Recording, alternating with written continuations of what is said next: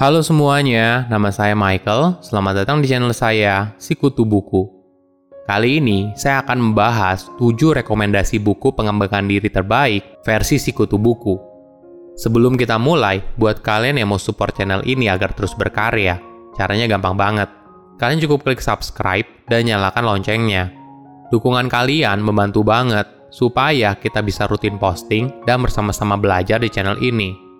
Karena sekarang sudah masuk awal tahun 2021, pasti banyak dari kalian yang membuat resolusi dan rencana masa depan. Nah, saya ingin memberikan beberapa rekomendasi buku yang mungkin saja tertarik untuk kamu baca. Oh ya, perlu saya ingatkan dulu ya, rekomendasi buku ini bukan disusun berdasarkan tahun terbitnya di tahun 2020, tapi berdasarkan video yang diposting di channel Sikutu Buku selama tahun 2020. Buku pertama yang saya rekomendasikan adalah buku Man's Search for Meaning karya Viktor Frankl. Buku ini membahas soal pengalaman Viktor yang ditahan di kamp konsentrasi selama Perang Dunia Kedua. Sebagai seorang penyintas dan juga psikolog, Victor menekankan bahwa keinginan terpendam manusia adalah mencari makna bagi hidupnya. Dan jika dia berhasil menemukan makna tersebut, maka dia bisa selamat dari apa pun, bahkan di tempat tergelap sekalipun, seperti di kamp konsentrasi. Ketika semua kebebasan direnggut dari seseorang, orang tersebut masih punya satu kebebasan yang tidak bisa diambil, yaitu kebebasan untuk bersikap dalam kondisi apa pun dan memilih jalan hidupnya sendiri. Dasar pemikiran inilah yang menghasilkan teori logoterapi dan menjadikan Victor sebagai salah satu figur penting dalam bidang psikologi modern. Makna hidup merupakan pengalaman yang unik bagi setiap orang, Melalui penderitaan, karya, dan cinta, seseorang akan berpetualang mencari makna hidupnya. Melalui pencarian inilah, seseorang akan merasa hidupnya bermakna untuk dijalani. Buku kedua yang saya rekomendasikan adalah buku Atomic Habits karya James Clear. Buku ini membahas kalau untuk mengubah kebiasaan harus dimulai dari menjalankan hal kecil dengan disiplin. Mungkin hal kecil tersebut awalnya kelihatan sepele, tapi apabila dilakukan terus-menerus dengan disiplin, kita akan kaget kalau ternyata hal kecil itulah yang berkontribusi pada perubahan besar. Itulah yang menginspirasi judul bukunya. Seperti halnya sebuah atom yang merupakan building blocks dari sebuah molekul, Atomic Habits ada building blocks untuk hasil yang luar biasa. Kunci utama kebiasaan yang baik adalah pengulangan terus-menerus, bukan kesempurnaan. Setiap pilihan yang kita lakukan akan menentukan siapa diri kita di masa depan. Inilah kekuatan luar biasa dari satu persen. Kemajuan satu persen suka dianggap sepele oleh banyak orang, karena memang benar-benar tidak terlihat. Tapi dalam jangka panjang, satu persen kemajuan inilah yang mengubah masa depan.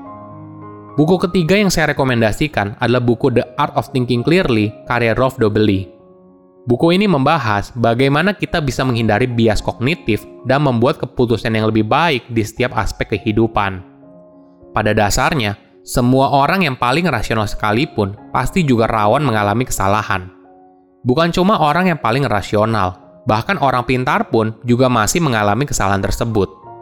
Tapi jangan berkecil hati, itulah indahnya menjadi manusia dengan segala ketidaksempurnaannya.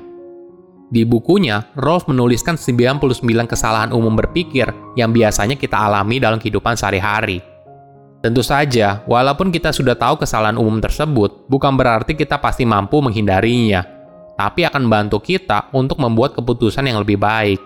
Karena pada dasarnya, manusia tidak akan lepas dari ketidaksempurnaan dalam berpikir. Mengetahui apa saja yang menjadi penyebab bias pikiran tidak membuat kamu jadi kebal, tapi membuat kamu menjadi lebih bijak dan berusaha meminimalisir dampak bias pikiran dalam hidupmu. Buku keempat yang saya rekomendasikan adalah buku The 5 AM Club karya Robin Sharma. Buku ini membahas soal cara membangun rutinitas pagi yang dapat membantu produktivitas, kesehatan, dan ketenangan batin. Di bukunya, Robin menuliskan sebuah kisah fiksi seorang miliarder yang sedang mentoring dua orang muridnya, yaitu seorang seniman yang sedang berjuang dan seorang pengusaha yang kurang bahagia Miliarder ini mengajarkan tentang pentingnya bangun pagi yang dapat membantu seorang untuk meraih kesuksesan. Setiap harinya, kita selalu terdistraksi oleh berbagai macam hal. Dengan bangun lebih pagi, maka kamu akan punya waktu untuk mengembangkan dirimu sendiri. Bagi kebanyakan orang, bangun jam 5 pagi setiap hari mungkin sulit.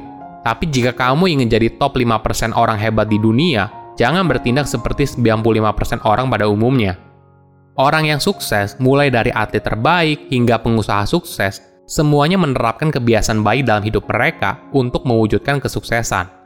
Dan satu kebiasaan utama yang kamu temukan di sebagian besar mereka adalah bangun lebih awal. Ini bukan kebetulan.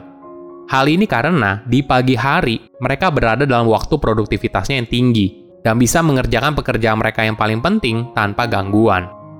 Buku kelima yang saya rekomendasikan adalah buku Quiet, The Power of Introverts, karya Susan Cain.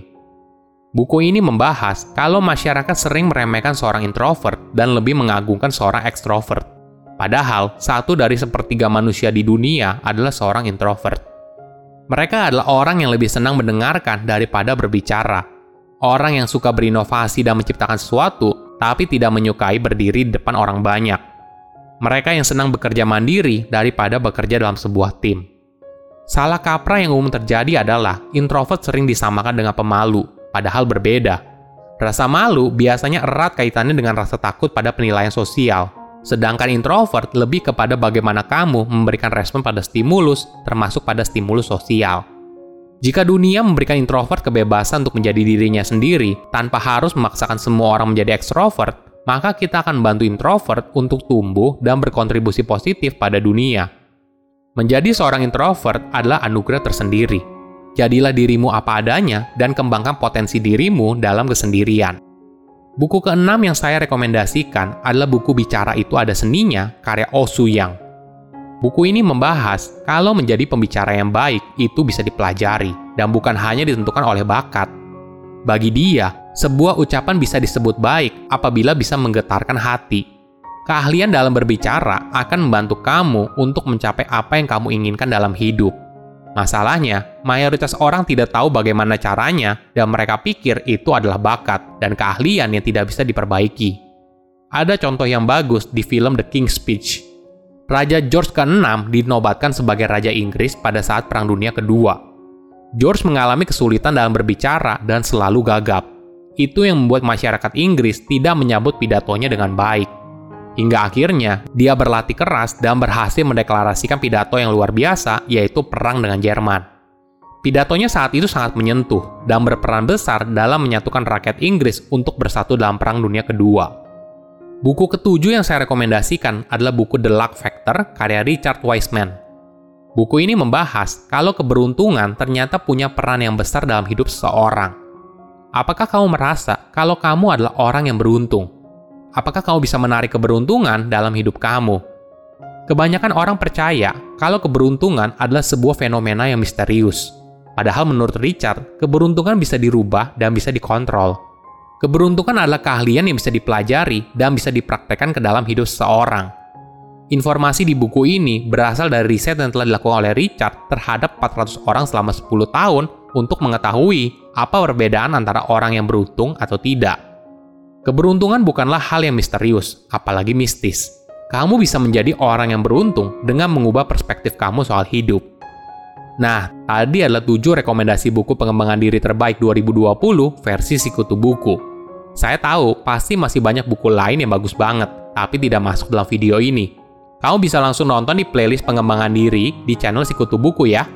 Silahkan komen di kolom komentar buku apa yang paling kalian sukai selama tahun 2020. Selain itu, komen juga, mau buku apa lagi yang saya review di video berikutnya. Saya undur diri, jangan lupa subscribe channel YouTube Sikutu Buku. Bye-bye.